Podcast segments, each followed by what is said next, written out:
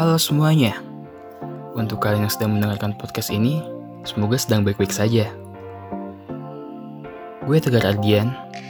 Kesan gue selama rangkaian Sadia Garo 2020 ini, rangkaian ini keren banget sih. Gue berekspektasi kalau rangkaian ini bakal sulit dan malesin. Ternyata, mulai dari panitia sampai pembicaranya rame banget.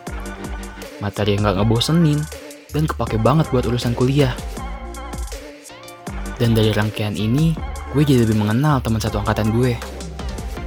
Terus, pesan gue buat kakak panitia Sadia Garwa, gue sangat berterima kasih untuk bikin setiap rangkaian selalu rame.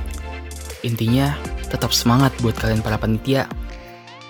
Mungkin cukup sekian podcast dari gue ini. Terima kasih.